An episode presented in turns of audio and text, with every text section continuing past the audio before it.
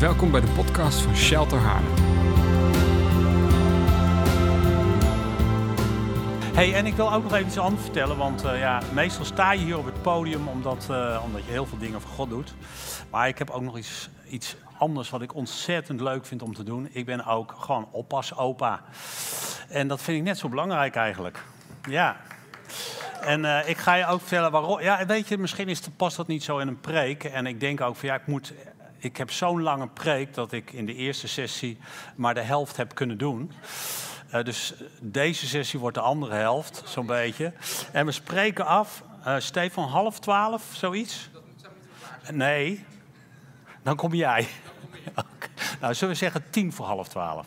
Dan ga jij gewoon van zijn stoelen klaarzetten met een paar mensen. En Henk komt dan. Goed? Ik ga even naar oppas opa. En weet je waarom... Het is twaalf uur, zegt iemand, Stefan. Ja, half, tien voor half. Tien voor half. Kom jij? Ja, dan ga ik door 12 uur door, goed? Oké. Ja, je moet hier onderhandelen om wat tijd te krijgen. nee, dankjewel voor de tijd die ik heb. Al had ik vijf minuten. Maar dan zou ik dit verhaal vertellen, want dat vind ik het allerbelangrijkste. Ik ben opa. En uh, weet je waarom ik dat doe? Ik, uh, ik, ik hou zo van mijn gezin. En ik geloof ook dat God van het gezin houdt. Nou weet ik wel dat niet iedereen hier opa of oma is of kan worden. Er zijn allerlei redenen voor. Maar, maar een van de dingen die ik zo leuk vind aan opa zijn... is als ik op maandag, want wij passen altijd met z'n tweetjes... Uh, Stefan die, uh, die zei dat, uh, dat ik al 30 jaar in discipelschap bezig ben... maar dat doe ik natuurlijk wel samen met mijn vrouw. Zonder haar niks. Dus in die zin doen we dat samen. Maar dat doen we ook samen oppassen... En dan loop ik daar op school, schoolplein. En, uh, en dan, dan zie je een van die kleine kinderen, in dit geval Elin, die komt dan door de deur van school heen. En dan, dan zie je ze echt kijken zo van, hè, van waar staat opa? En dan ziet ze mij. Nou, dat moment is hemels. Ik denk dat we dat veel in de hemel meegemaakt. Dat is zo super als opa. En dat kind dat begint dan in één keer te rennen. Dan rent hij zo hard dat je denkt van dat ze gaat vliegen. Ja, en ik had nog een verhaal, maar dan moet ik overslaan, want ja, ik, kan, ik moet toch tijd, tijd winnen. Maar uh, ik heb twaalf kleinkinderen en ik heb twaalf verhalen, dus wat dat betreft uh, zou dat een uur kunnen vullen. Wie was er vorige week bij Bert, Bert de Hoop? Ja, uh, ik, heb, ik heb ook even zitten luisteren in de auto samen met Ina. Bert is een goede vriend van mij en uh, ik was heel benieuwd wat hij uh, ging vertellen. Ik weet dat hij door een pittige tijd gaat. Dus ik vond het ook wel leuk om, om, om even te horen wat hij te vertellen had. En, en ik, ik zat daar vannacht aan te denken. Ik, ik was vannacht heel vroeg wakker omdat ik zo heftig gemotiveerd was om hier te staan, dat ik, dat ik het niet meer kon slapen. Heb je dat ook wel eens? Het is net een soort verjaardagsfeest of zo, zo'n gevoel. En, uh, en toen dacht ik aan Bert en, en, wat hij gezegd had. En toen dacht ik echt, ja, Bert die zit in een periode, ik noem dat even in, in mijn boek. Uh, ik kan het niet allemaal vertellen, maar je kunt gewoon hier kopen. Maar ik, ik noem eigenlijk de drie fases van het leven. Dat is zeg maar de uiterlijke ik ben. En dan komt er een crisis en dan kom je tot je innerlijke ik ben. Dus eigenlijk je eigen kracht moet verbroken worden om tot innerlijke kracht, de kracht met God, met God ik ben, samen één te zijn. Waardoor je heel vruchtbaar gaat worden. En, en Bert vertelde zijn verhaal, toen dacht ik echt, ja, die moet mijn boek lezen. Nee hoor, Dus we praten daar ook samen over. En hij heeft het over vrienden die hem af en toe een schop geven. Nou ja, ik ben ook zo'n vriend. Dus dan, uh, dan zit je in de ellende en dan krijg je nog een schop ook nog. Maar soms helpt dat. En, uh, en Bert zit echt in die periode. En het is goed vanmorgen om even te beseffen dat misschien sommigen van ons ook in zo'n periode zitten. Dat, je, dat je in de kerk hebt gezeten en hij vertelt dat hij 18 jaar voorganger is geweest. En dan komt een crisis. Weet je, en dan, en dan, dan alles waar je eigenlijk van hield en in gelooft, dat, dat stort een soort in. En dan kom je in, die in dat interne proces van jezelf leren kennen. En God leren kennen, die niet alleen maar kerk is. Dan komt er een heel ander proces op gang. Ik ben er ook drie keer doorheen gegaan. Dat je, en dat, dat kan een aantal keer gebeuren in je leven. Dat je, dat je ergens in gelooft en dan stort de boel in elkaar en dan, dan komt er een verdiepend proces. Dan moet je voor kiezen. Je kunt ook weglopen. Maar Bertie kiest ervoor om er doorheen te gaan. Nou, mijn vriend Jan, ik zie Marijke zitten, Jan niet, dat is jammer, want dan had ik het over hem kunnen hebben. Maar dan moet jij het vertellen, Marijke. Oké, hij kijkt wel mee waarschijnlijk. Maar goed, Jan die, uh, die spreekt op dit moment veel door het land heen en stuurt brieven en video's en zo.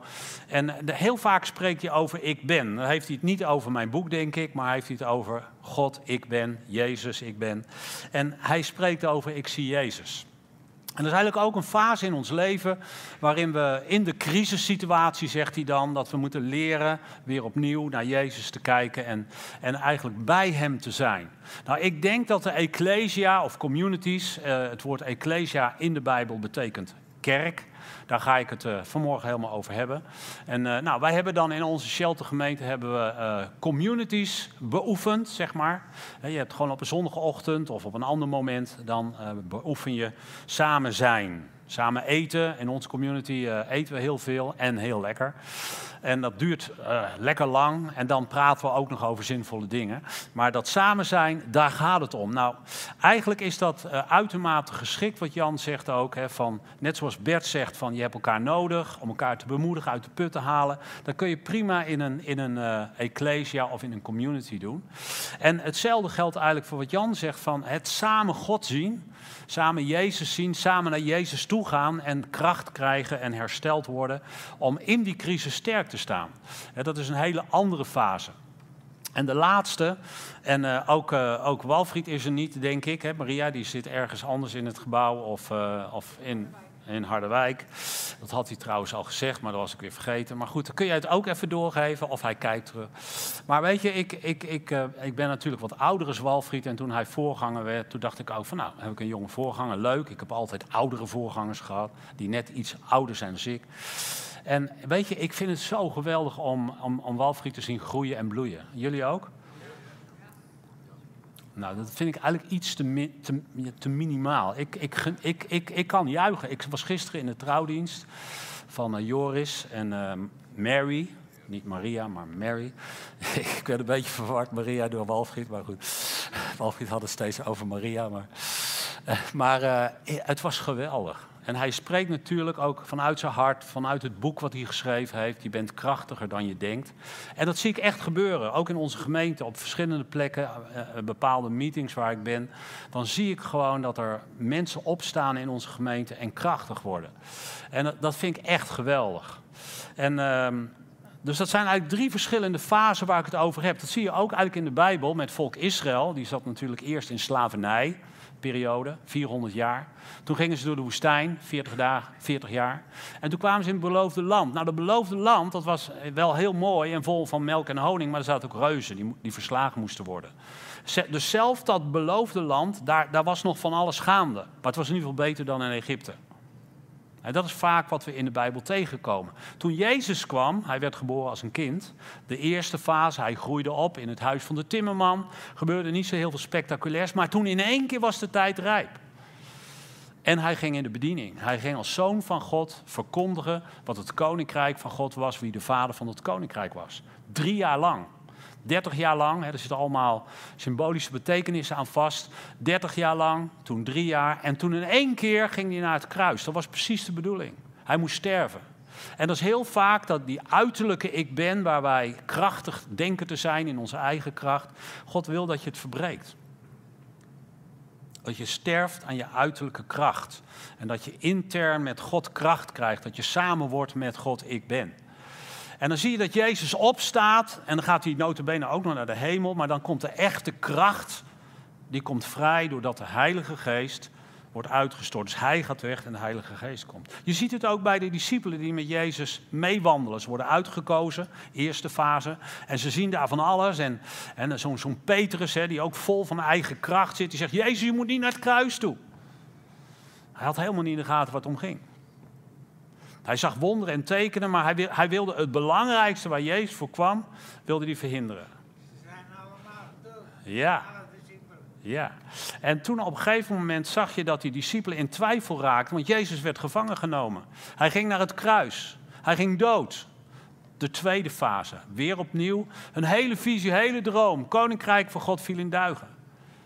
En toen werd de Heilige Geest uitgestort en gingen ze doen wat ze eigenlijk moesten doen. Nou, in die fase wil ik jullie vanmorgen meenemen. Want ik denk dat het belangrijk is om dat wij zien wie Jezus is en bij Hem zijn. Maar als we daar zijn, dan is het ook heel belangrijk dat we met Jezus ogen naar de wereld leren kijken. En, en daar, ben ik, daar wil ik je meenemen. Want dat is wat ik voel.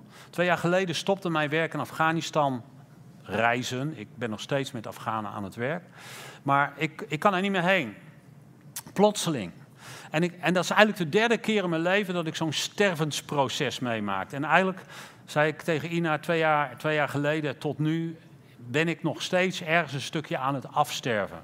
Want het is mijn baby. Het is mijn alles. Ik heb er zoveel bijzondere dingen gezien. En zo rond de zomervakantie voelde ik van, ik ben daar klaar. Het is nu goed. Dat kan heel lang duren. Maar ondertussen, toen dat stopte, had ik het idee dat God mij mee wilde nemen, zeg maar even in de hemel. Ik weet niet of je dat voor kan stellen. Ik heb zelf ook geen idee hoe je dat uit moet leggen. Maar ik had echt het idee dat de Heer zei: Kom nou bij mij en kijk naar het Westen. Want weet je, je hebt 30 jaar lang rondgezworven, maar nu is het ook tijd voor jou om hier in dit huis, om hier in Nederland, om ook echt datgene wat je geleerd hebt, je noemt het een blauwdruk, hè, ik noem het maar sleutels, sleutels van het koninkrijk die God mij leert, uh, om die toe te passen. En ik moet je zeggen, ik heb er zoveel zin in dat ik uh, gewoon echt niet in 30 minuten dat allemaal kan vertellen hoe dat eruit ziet. Dus dat is heel lastig. Vandaar dat Stefan voor mij een hele mooie website gebouwd heeft. Ik heb nog 10 minuten. Ik ben net begonnen, Stefan. Wat is dit nou? Goeiedag, hè. Um, nou, ik ga even naar, naar de kerk. Hoe ziet mijn kerk er eigenlijk uit? Het woord kerk. Dus ik, had het over Jezus ziet naar de wereld. Maar, maar ik zie eventjes naar mijn kerk. Weet je, dat is de kerk waar ik besprenkeld ben door mijn ouders. Waar ik beleidenis heb gedaan. Voor degenen die dat niet kennen. Hè, dan, dan zeg je eigenlijk ja tegen de, dat besprenkelen van de ouders. En dat, nu geloof ik het zelf. Uiteindelijk zat ik ergens in een andere kerk. Dat was een of ander heel donker hol onder een gemeentehuis. Dat noemden ze koffiebar. Daar werd ik vervuld met de Heilige Geest. Maar dat was ook mijn kerk. Toen op een gegeven moment kwam ik op het dwaze idee om gedoopt te worden. Ik ben dus naar een andere kerk gegaan, dat was een Pinkstermeente. Die zaten in een gewoon rijtjeshuis. En daar hadden ze de, de woonkamer verbouwd en daar was een doopvond. En daar werd ik gedoopt, dat is ook mijn kerk. Op een gegeven moment waren Ine en ik met een outreach van jeugd met een opdracht op, in, in een kampeerterrein. En daar goot het. En drie, vier dagen regen. En je zag ook uh, waar wij woonden als team in die tenten. Want overal lag spuug omdat iedereen ziek was en constant naar de wc liep. En, en in die nacht, toen alle tenten van mijn collega's nat waren, begon ook mijn tent nat te worden. En je zag echt de regen uh, doordringen en dat overal kwamen de druppels naar beneden. Dat was ook mijn kerk, want toen riep God mij. Maar God riep mij om naar de naties te gaan. Die nacht was ook mijn kerk. Ik ben hier gekomen. En in dit gebouw heb ik zoveel spectaculaire, bijzondere dingen meegemaakt. Ik heb zoveel ontmoetingen met God gehad. En weet je, ik probeer eigenlijk tegen jullie te vertellen, het gebouw doet er eigenlijk niet toe. Fijn dat we zo'n mooi gebouw hebben. Jullie doen er toe. Weet je, ik ben gaan zien dat de kerk niet vastzit aan een gebouw of aan een leider. En leiders helpen natuurlijk gigantisch mee. Maar het gaat erom dat wij samen de kerk zijn. Ik moet even wat dingen overslaan. Even een uh, we gaan even naar Matthäus 26, vers 61 en Handelingen 6, vers 13. Daar, daar, staat precies hetzelfde verhaal. Het verhaal waarin Jezus vals beschuldigd wordt en Stefanus vals, beschuldigd wordt. En dan wordt eigenlijk gezegd dat ze worden allebei, beide worden ze beschuldigd omdat ze tegen de tempel en de wet zijn. Dat komt uit Johannes 2, waar Jezus uh, op een gegeven moment de tempel ingaat met een zweep. En uh, dan worden ze boos en dan zegt hij, uh, breek dit gebouw af en ik zal het in drie dagen opbouwen. Maar eigenlijk was dat niet een echte vals beschuldiging, want het was ook werkelijk de bedoeling van Jezus om het idee van tempel te vernietigen. Dat is klaar, over. Het is er niet meer. En dat gebeurde ook toen hij stierf aan het kruis. In de tempel hing een gigantisch gordijn, het voorhangsel noemen ze dat. Achter dat gordijn stond er de, uh, de ark van het verbond, waar eigenlijk een soort de tegenwoordigheid van God was. En dat voorhangsel ging open. Dus wat deden die priesters? Gauw weer dichtnaaien en ze gingen gewoon weer verder. Maar ze beseften niet dat daar een historische doorbraak was, een historisch moment, waarin eigenlijk Jezus zei: Het is klaar met de tempeldienst, je hebt het niet meer nodig. Al die offers, al die rituelen, al die priesters is klaar.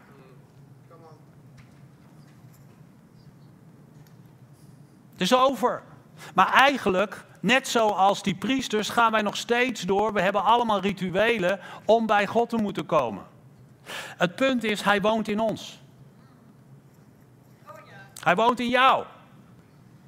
De Heilige Geest, daarom zijn we een charismatische gemeente, die woont in ons. We hoeven er niet meer naartoe. En als je hem wil zoeken, dan moet je even in Hebreeën 7 kijken. Ik sla heel veel teksten open, lieve mensen. Dus uh, Hebreeën 7, 8, 9 vertelt eigenlijk over de hemelse tempel. De hemelse tent. Waar Jezus nog steeds dient als hoge priester. Heel andere orde als op aarde. Daar moeten we zijn. In Matthäus 16, ik ga daar heel snel doorheen, daar staat, Petrus, wie ben ik? En dan zegt Petrus terecht, Jezus, u bent de Messias, de gezalfde koning. En dan zegt Jezus, ja, maar dat, dat heb je niet van jezelf, dat is je geopenbaard. En dan zegt hij, op deze rots zal ik mijn kerk, mijn ecclesia bouwen. En ik ben al twee jaar lang in de Bijbel aan het duiken. Wat bedoelde Jezus nou met ecclesia? En in Matthäus 18 zien we nog meer geopenbaard. En daar staat eigenlijk dat waar twee of drie in mijn naam zijn, daar is de kerk. Dus die kerk is overal waar jij met twee of drie gelovigen levende stenen zegt, Efeze 2. Jullie zijn levende stenen. Dat betekent als je met elkaar eenparig iets begeert, dan zal het je toekomen. Dat is de power in de kerk. Uh, fijn dat Stefan het weet, maar dat komt dat hij vaak met mij optrekt. Dus ik weet dat ik dan ook wel een soort bevestiging nodig heb dat jullie het snappen. Weet je, als ik hoor dat iemand in mijn omgeving, dat kan in mijn gezin zijn. Even een voorbeeld met Stefan. Op, een dag kwam hij helemaal droevig. Uh, dat gebeurt bijna nooit, moet je zeggen. Ik, hij is een wonderman, want hij heeft zoveel ellende achter de rug. En hij blijft lachen. Ik weet niet hoe hij dat doet, maar de glorie en de presence. En, je, maar op een gegeven moment was helemaal mis met zijn coffeeshop. Uh, internet deed het niet, of de, de website deed het niet goed. En we, we zouden heel veel werk moeten doen die dag. En we zeiden van, joh, laten we even binden en ontbinden, weet je nog? En alle postpakketjes raakten zoek en uh, de, de, weet het kantoor ging niet goed. Maar dat is kerk, samen bidden. En één, twee dagen later het probleem was opgelost. Gelukkig door het verstand van Stefan en door het postkantoor. Maar, maar ik geloof echt dat wij als kerk weer moeten leren, als er een probleem is, als er in onze gezinnen dingen gebeuren, dan is het eerste wat we doen niet alleen maar naar de psychiater of de dokter. Maar begin nou eerst eens met één of twee broeders of zusters bij elkaar trommelen en zeggen: laten wij gewoon gaan staan en geloven dat in gebed wij dingen kunnen veranderen.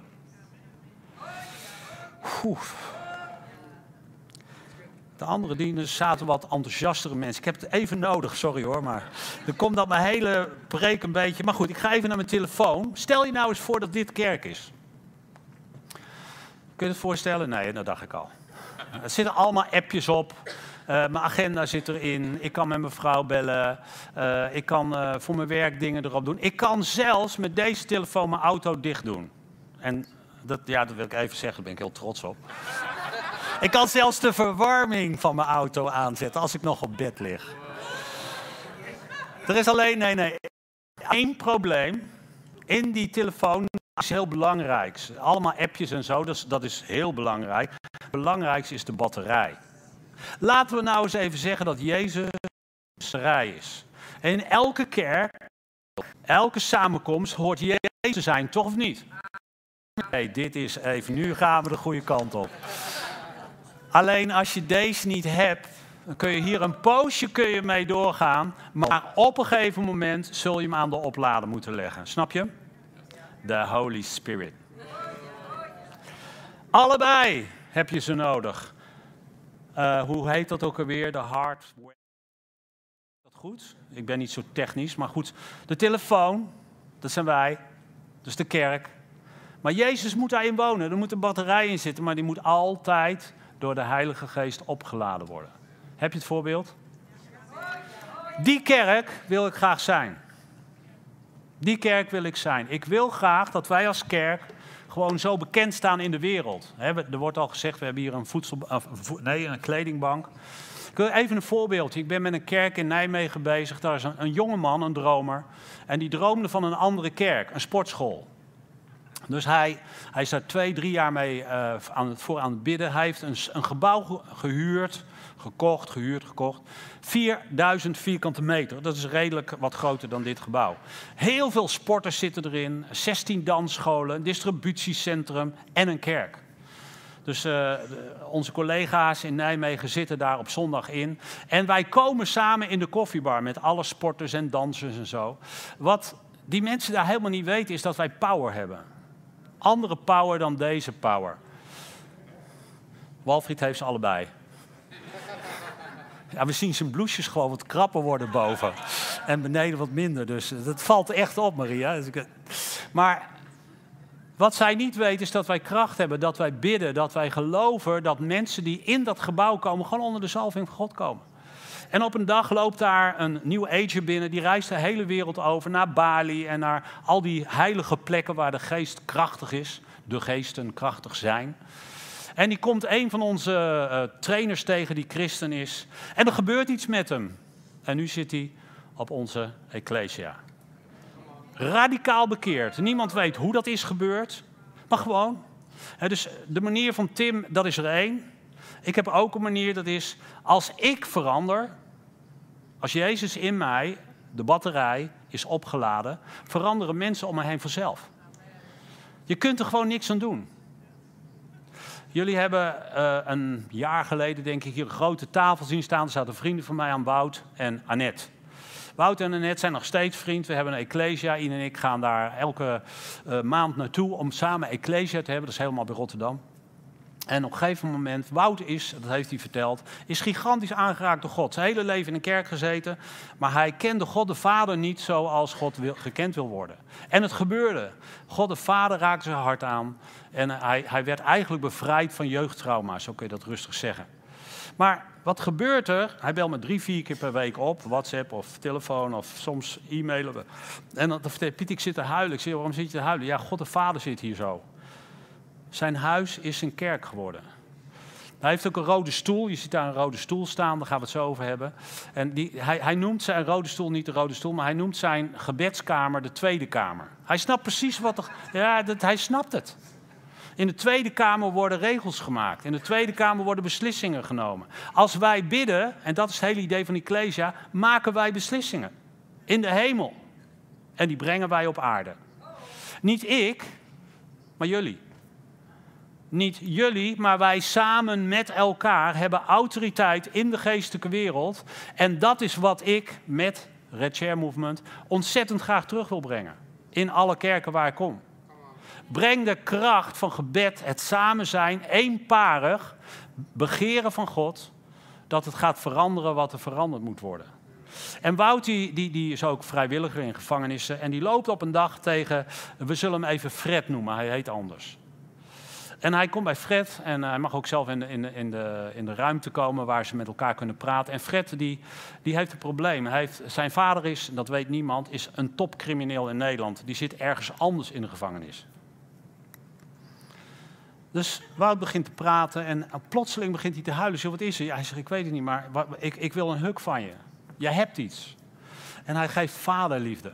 En ze praten over Jezus. En toen zei Wout tegen hem, wat is de allergrootste wens? Ja, dat kan niet. Ja, bij God is alles mogelijk, zegt Wout heel vroom. Maar dat, wat, hij, wat hij ging vragen kan echt niet. Hij zei, ik zou willen dat mijn vader ooit een keer, voordat hij doodgaat, tegen mij zegt, ik hou van je.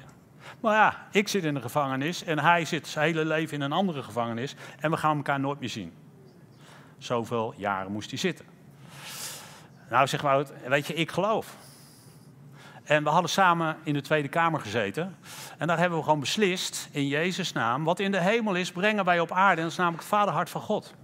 Dat is wat God wil doen. En Jezus ziet in die gevangenis daar die man zitten. En wat gebeurt er? toevallig, waarschijnlijk door een fout, is de zoon in dezelfde gevangenis gekomen als zijn vader. Ook toevallig komen ze op dezelfde rij. En toevallig worden al die mensen op hetzelfde tijdstip buiten losgelaten om een uurtje gewoon in de frisse lucht te zitten. Nee, dit is geen ho, dit is ja. En wat gebeurt er natuurlijk? Je snapt het al. Die twee die zien elkaar bij het uitlaten in dezelfde gevangenis. En wat zegt pa? Mijn zoon ik hou van je. En elke dag, elke dag, als ze buiten lopen, zegt hij dat tegen hem. Maar ja, het gaat nog verder, want dat is de kerk. Dit is de kerk, dit is het discipelschap. Want die zoon die had natuurlijk geleerd van Wout om het koninkrijk ook gewoon te beleiden en te vertellen. En die vader die hoorde dat ook. Dus op een dag zaten ze in dezelfde gespreksruimte, zoon en vader, wel uit elkaar. En uh, toen zei die zoon van, de zit mijn vader. Spierbal, jongen. Oeh. En uh, Wou denkt, nou het zou mooi zijn als ik die man even gewoon kan spreken. Maar die, maar die man die had natuurlijk over hem gehoord. Hey, ben jij dat? Kom eens hier. Dus Wout loopt er naartoe. De gevangenenbewaarders die staan toe te kijken. En nu is het tijd voor de stoelen. En, en, en je snapt het. Ja, ja. En, en toen, wat gebeurt er? Die man die zei, joh, ik heb gehoord dat jij huks geeft in de gevangenis. Waar die schermen zitten, loopt Wouter omheen en alle bewaarders staan klaar. En, hij, en die man die hukt hem. En hij, hij, hij breekt gewoon. Willen jullie nog meer verhalen horen? Weet je, ik heb tegen de Heer gezegd: Heer, ik heb zoveel wonderen en tekenen in Afghanistan gezien. Dat is voor mij een kerk die geen gebouw heeft.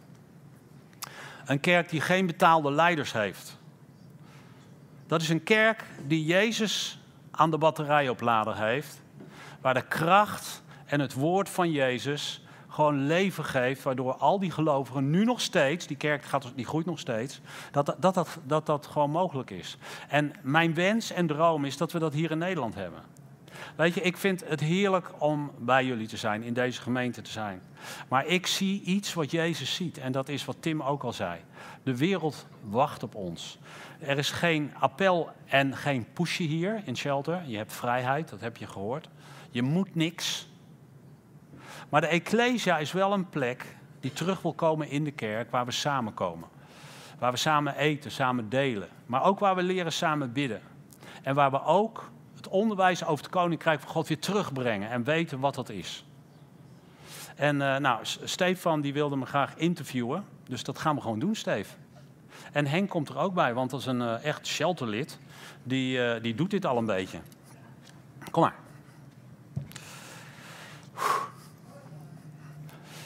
Wat heb je de tafel leuk versierd, uh, Stefan? Een leuk bloemetje. Gezellig. Ja, gezellig. Ik zet hem alleen even weg. Hè? Dit is voor jezelf. Kunnen jullie ons zien? Oeps. Hij staat aan. Zal ik anders wat zeggen? Doet hij het? Nee, hij nee. doet het. En die van jou? Ja, die doet wel iets. Ja, ja, ja, ja, ja. Ja, zeg maar. Ja. ja, hij doet het. Stefan, ik geef het over aan jou. Yes. Uh, ja, het idee is een beetje dat we... Want we willen dit natuurlijk introduceren in Shelter om te kijken van nee, hoe gaan we dat nou precies, uh, precies doen. En uh, in dit geval, uh, Piet heeft daar wat... Piet heeft daar, de, die heeft de Red Chair Movement eigenlijk gestart. Hij highlightte het net al heel eventjes kort. Uh, en Henk zit hier ook aan tafel omdat hij ook ervaring heeft met, met discipelschap, met Red Chair Movement. En, uh, en gewoon heel praktisch om wat voorbeelden te geven hoe we dat hier binnen Shelter willen doen. Dus uh, laten we beginnen met Piet. we hadden het net over die Red Chair Movement. Kan jij kort omschrijven, wat is nou die Red Chair Movement? Ja, dus ehm, wat ik net al zei, ik geloof heel sterk in dat de kerk uh, niet in elkaar gaat storten of zo. Maar ik geloof juist dat er een nieuwe power in komt, een nieuwe kracht in komt. En ik geloof dat de Red Movement het hele idee van Ecclesia weer terug wil brengen in de kerk. Communities die heel sterk zijn, weten hoe ze moeten bidden. Zodat wij in de wereld een krachtige kerk zijn. Dat we wat te vertellen hebben en dat wij echt oplossingen kunnen geven voor de vele problematiek die er is. En ik geloof dat wij die antwoorden ook hebben. Ja, precies. Wat je eigenlijk zegt is dat de Red Chair Movement die heeft, uh, die heeft een aantal antwoorden op, de, op dit vraagstuk. Ja. En uh, je, je, hebt het tegelijkertijd ook over de Ecclesia. Ja. Dat, de, dat de, de, de, werkelijk de Ecclesia dat dat, dat dat zichtbaar gaat worden, wat dus eigenlijk de kerk is, zoals dat omschreven staat. Um, maar wat is nou precies dan zo'n Ecclesia en wat doe je nou in zo'n ecclesia. Want het is natuurlijk heel groot. Weet je, we zijn hier, je zegt net, we zijn met elkaar nu ook een ecclesia. We zijn nu ook een kerk. Maar uh, om dat nou heel klein te maken, ja. wat, wat, doe je nou eigenlijk binnen die ecclesia? Nou, ik heb het even opgeschreven voor jullie in een boekje. Uh, dit boekje mag je straks uh, pakken. Als jij echt wil gaan discipelen in de komende tijd. Daar, hoor je veel meer over. En je wordt lid van de Red Chair Movement. Dat betekent dat je 1 euro per maand gaat betalen. En dat je iemand gaat discipelen. Dan mag je meenemen. Zeg je van nou, ik wil eerst eens even kijken, dan moet je hem kopen. Ja, dus dat is, hier staat alles in wat ik nu zeg. Er zijn drie dingen die je in het eh, boek Handelingen tegenkomt als het gaat over Ecclesia. Het is eigenlijk heel simpel. Iets heel leuks, en dat is ook wat Shelter probeert te doen, dat is community. het, het, het gevoel, we zijn bij elkaar, we eten met elkaar, we kunnen met elkaar wandelen, we kunnen sporten. Uh, en, die, en dat is niet op een bepaalde plek. dat hoeft niet hier in het gebouw of alleen maar bij jou thuis. Maar eigenlijk is dat het samen delen... Uh, gewoon van vriendschap. Hè. Nou, Henk is al uh, eh, 30 jaar lang uh, mijn vriend, samen met Carla. En wij, hebben, wij hebben eigenlijk altijd elkaar opgezocht en we doen soms spelletjes, soms hebben we hele serieuze discussies. We lachen veel, soms huilen we. maar dat, dat voel ik als, dat is een van mijn eerste ecclesia's waar ik mezelf helemaal thuis voel. Het tweede is, daar komt het woord rode stoel vandaan. Rode stoel heb ik vier gebedsonderdelen aan vastgehangen. Het eerste is eigenlijk, daar waar jij woont, daar waar jij werkt, daar waar je kerkt, is Jezus koning. En dat is een proclamatiegebed. En het tweede gebed is eigenlijk de lege stoel. En dat heb ik eigenlijk 30 jaar lang altijd overal in alle landen waar ik kom beoefend. En dat is van, uh, nou ga nou eens even je voorstellen of verbeelden wie uit jouw kring, jouw familie, iemand op je werk, op je school, in de straat of iemand die je altijd tegenkomt bij de VOMAR. probeer die nou eens op die stoel te zitten en in de tegenwoordigheid van Jezus te brengen. Zodat die persoon, zoals Wout dat ook deed, dan gaat hij die gevangenis in. Maar thuis, in zijn tweede kamer, had hij zich al verbeeld hey, ik ga voor deze man bidden. En dat zijn hart open gaat voor Jezus. Daar begint eigenlijk al de voorbereiding. Het derde is de, de, de stoel van de aanwezigheid van God.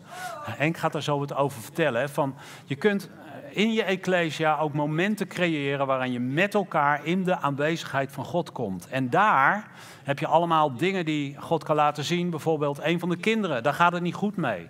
We hebben ook voor jouw kinderen gebeden. Wij, wij, wij werken samen, maar we zijn eigenlijk ook een ecclesia, een community. Ik ben erg betrokken bij wat er gebeurt bij Stefan en Sanne. En, en hoe vaak kom ik bij je thuis? Eén of twee keer per jaar. Maar, maar we zijn wel verbonden in de geest.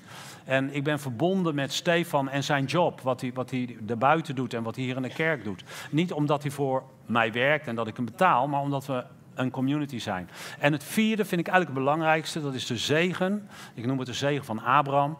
Uh, het, boek, het boek Genesis vertelt twaalf zegeningen die Abraham kreeg.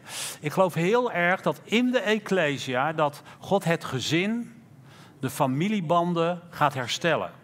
En dat bedoel ik niet alleen maar man, vrouw en kinderen, maar dat kan ook met je vader of met je moeder zijn. En dat gebeurt in die ecclesia, hè, onze community. We hebben met elkaar hebben dat uh, Ik Ben boek gewoon doorgestruind. En op bepaalde momenten zag je ook in de communityleden dat er herstel kwam in de familie. Dus die vier. Nou, dat is een heleboel. Maar het staat hierin. Dus, uh, ja, precies. Dus dat is eigenlijk wat ik wil zeggen. Ik heb, dan, uh, ik heb er dan drie uitgehaald. Dus één, dat is het samenkomen met elkaar of bij elkaar. Uh, samen eten, leven delen. Uh, nummer twee, dat is samen gebed. Dat is gebed. Dat is, dat is de tweede. Uh, dat is de tweede eigenlijk. En, de derde vergeet ik. En de derde, die, die vergeet je Daar gaat het over. Daar gaat het over. Hoe stom. Ja. Dat is de lessen over het koninkrijk. Ik, ik ben echt van overtuigd, boek Handelingen schrijft het zo duidelijk. Jezus kwam bij de apostelen en hij leerde hun over het koninkrijk van God. De apostelen gaan naar de kerken toe en zij leren hun de principes van het koninkrijk. De apostelen en profeten leggen het fundament van de kerk. Ja, goed, dat is een hele studie.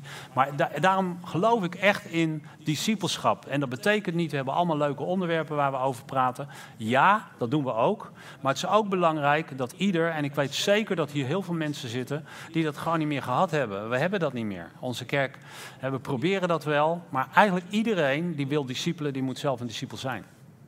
Ja, tof. Dus uh, om het ook samen te vatten, dus de Red Chair Movement, dat is onder andere deze drie elementen die voorkomen dan binnen de Red Chair Movement, maar ook binnen een ecclesia. Ja. Dus samenkomen, uh, bidden en ook vervolgens die principes uh, met elkaar doornemen. Dat dus vooral dus ook onderdeel van de Red Chair Movement. Dat is dus dat, je de, dat jij in de afgelopen 30 jaar 40 principes, of eigenlijk 40 sleutels over Gods koninkrijk hebt ontvangen. En, uh, en dat ook heb zien uh, werkelijkheid worden. Dat, uh, dat op het moment mensen die, die sleutels daadwerkelijk in hun leven toepassen, dat er ook echt transformatie gaat plaatsvinden. Klopt. Ja, Helemaal. Ja. Hey, als we nou kijken naar, naar shelter, want dit is natuurlijk best wel, dit kan je ook weer heel groot maken, maar um, zou je iets kunnen delen over hoe zou je dat voor je zien dat wij hier binnen shelter daarmee zouden kunnen starten? Ja. Nou, ik, ik heb daarom Henk gevraagd om in deze sessie te zitten. Henk uh, die, uh, is gewoon op een gegeven moment gezegd, ik ben jaloers. Zo zei je dat ook letterlijk. Uh, van, hey, jij bent in het land bezig, hoe kunnen wij dat doen? Henk, hoe, hoe, eerste vraag. Heb jij ooit iemand gediscipeld? Zoals je dat nu doet?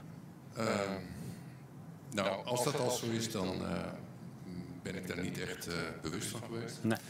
En uh, we, hebben wel, we zijn wel gezegend dat heel veel mensen om ons heen, waar uh, Carla en ik of uh, ik alleen of Carla alleen, best vaak uh, gesprekken mee hebben. Dus het is, het is, meer luisteren, het is soms ad hoc, en het is niet echt intentioneel. Maar we hebben wel hart voor mensen en het goud van mensen zien.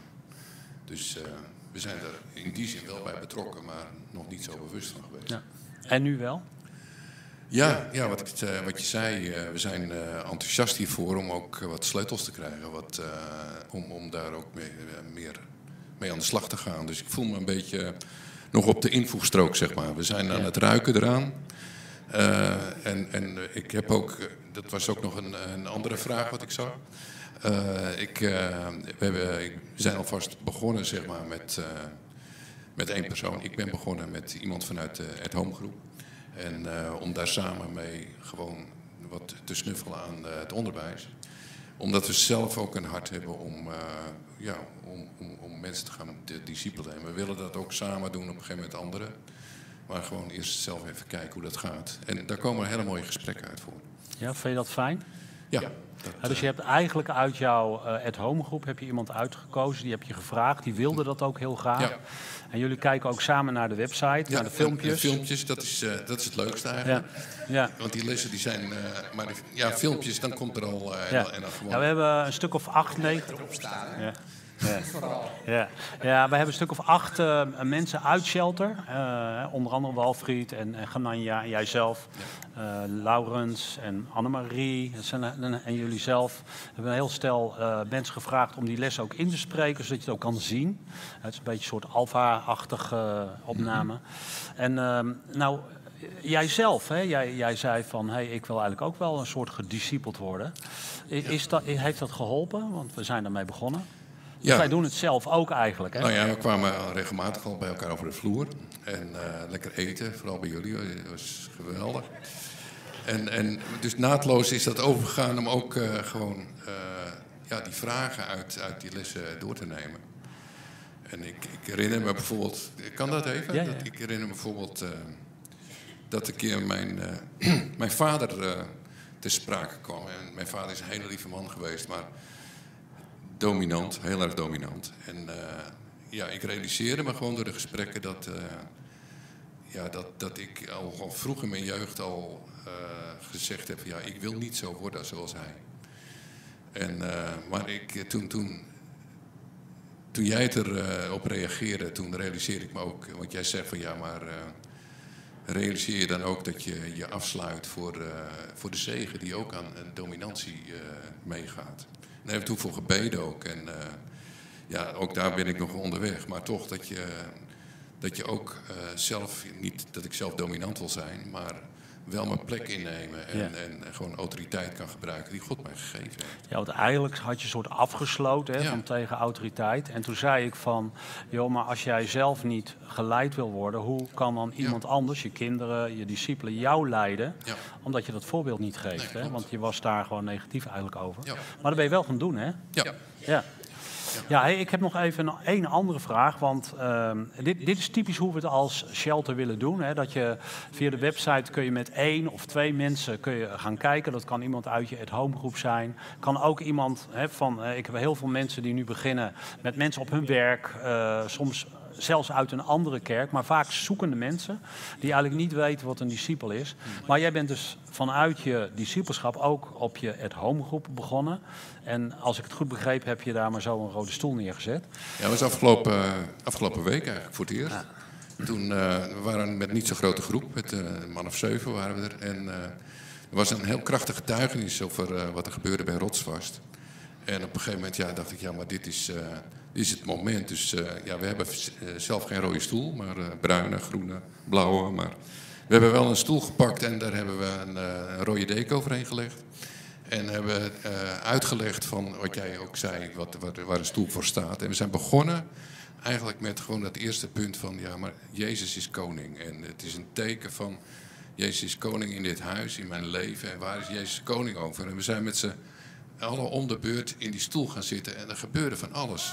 En dat was gewoon een heel krachtig moment. En uh, was zelfs aan het eind ook dat, uh, uh, ja, dat er iemand in zat en die had, die had last van de longen. En ik weet niet meer wie er gebeden heeft, maar op een gegeven moment toen hebben we, hebben ervoor gebeden toen ze naar huis ging. Toen, toen was het weg. Hè Maurice? Of waar zit je? Het is nog steeds weg? Ja, het ziet er goed uit. Yes. Nou, dus, dat willen we. Dus dat ja. zijn mooie momenten ja. die je dan meemaakt. Kijk, en Stefan, dat is eigenlijk wat jij en ik ook hopen. Hè? Dus dat, dat hier gebeurt het, hier is het gebed. Maar het, hoe mooi is het als het ook gewoon in de at-home groepen of discipelschap groepen gebeurt. Of gewoon op je werk of waar je dan ja. ook denkt dat je die ecclesia moet starten. En dan willen we uh, 16 uh, november... Uh, Walfried zal er ook bij zijn. Willen we een soort kick-off geven. Dus op een woensdagavond. Uh, en dat, dat gaat Walfried ongetwijfeld nog vertellen. En dan volgend jaar, januari, willen we ook een school voor Ecclesia starten. Voor degenen die echt willen discipelen. En ook echt iemand hebben die, die ze willen gaan begeleiden. He, dus het maakt me niet uit of klein of groot is. Daar gaat het eigenlijk niet om. Maar dat, dat is een beetje wat we nu op het uh, netvlies hebben staan. Maar dat kan altijd veranderen, zoals je weet. Ja.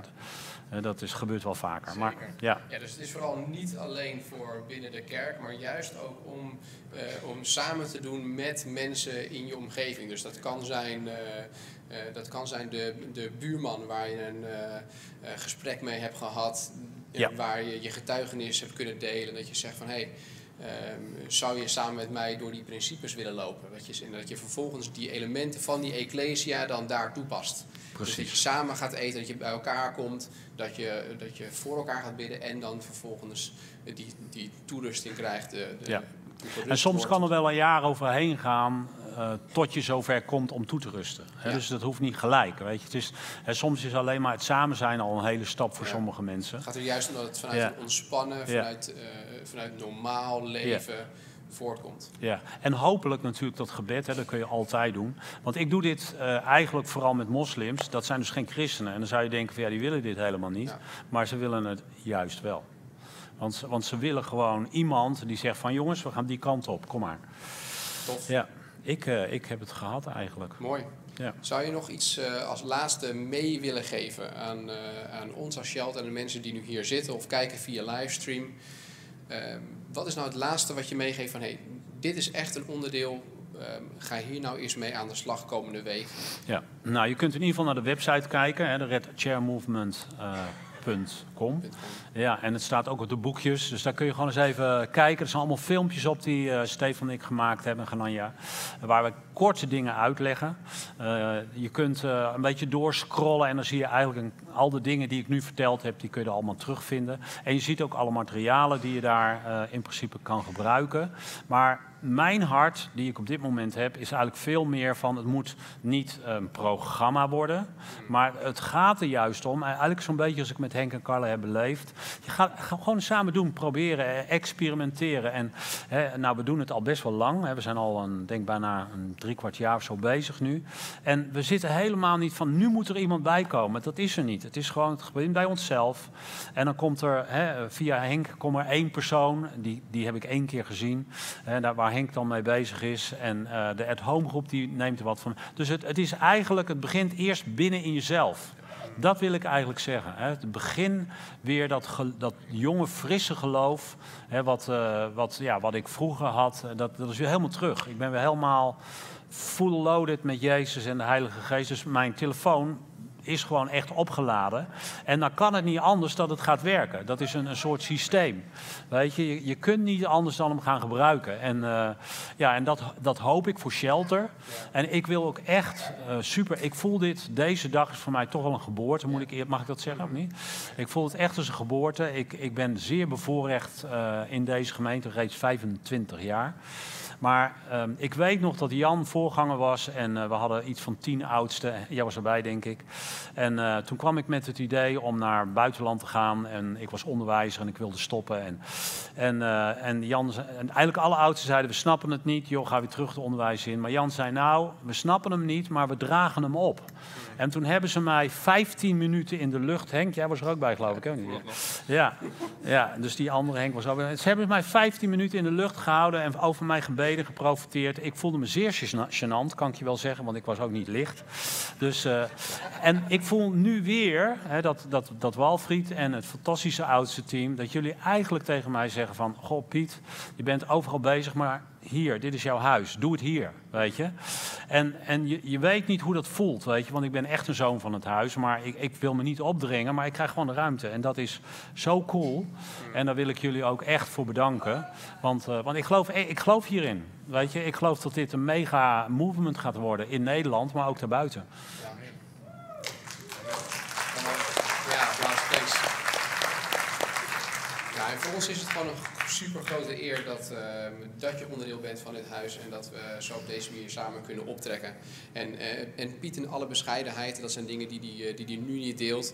Maar op basis van deze principes en hetgeen wat we, net, wat we net gehoord hebben, daar zijn gewoon over de hele wereld duizenden kerken gestart vanuit deze simpele principes gewoon het volgen van die principes, van het samenkomen met elkaar, die, gewoon die principes doorlopen. En ook daadwerkelijk niet alleen doorlopen, dus niet alleen kennis maken, maar ook daadwerkelijk, daadwerkelijk doen.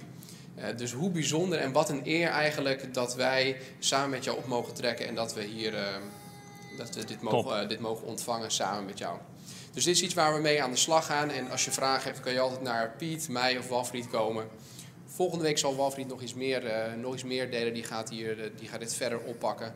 Het onderdeel discipelschap en dan vooral ook binnen, binnen Shelter.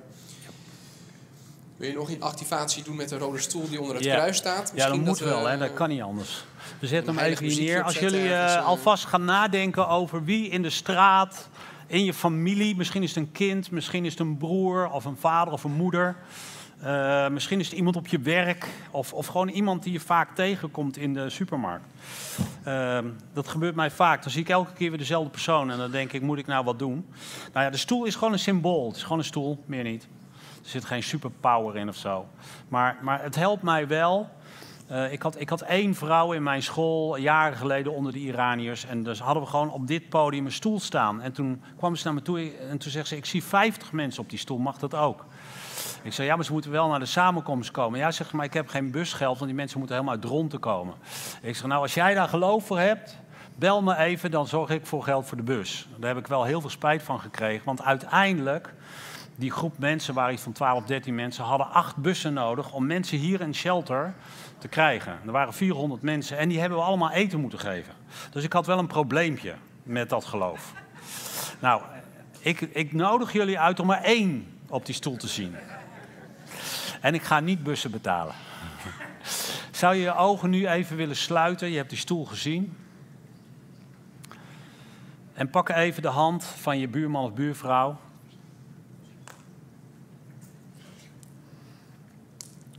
En dan wil ik je gewoon vragen, als je zo'n naam in je hoofd krijgt, en misschien zie je zelfs die persoon op die rode stoel. Iemand die Jezus niet kent of misschien Jezus zoekt. En ga nu maar met z'n allen tegelijk, hoeft niet met de persoon die je hand vasthoudt, maar we zijn wel in eenheid. We zijn levende stenen. En we gaan nu bidden voor de persoon die in jouw gedachten is gekomen, die je verbeeldt. En zie hem ook van die stoel straks opstaan. En zie hem ook in jouw huiskamer of hier in de kerk of waar je hem ook gaat ontmoeten. Waar Jezus zijn handen op hem legt en hem zegent. Dank voor het luisteren naar onze wekelijkse podcast. De missie van Shelter is Gods Koninkrijk zichtbaar maken in onze wereld. Wil je onze gemeente financieel ondersteunen in deze missie? Ga dan naar www.shelter-haarlem.nl geven.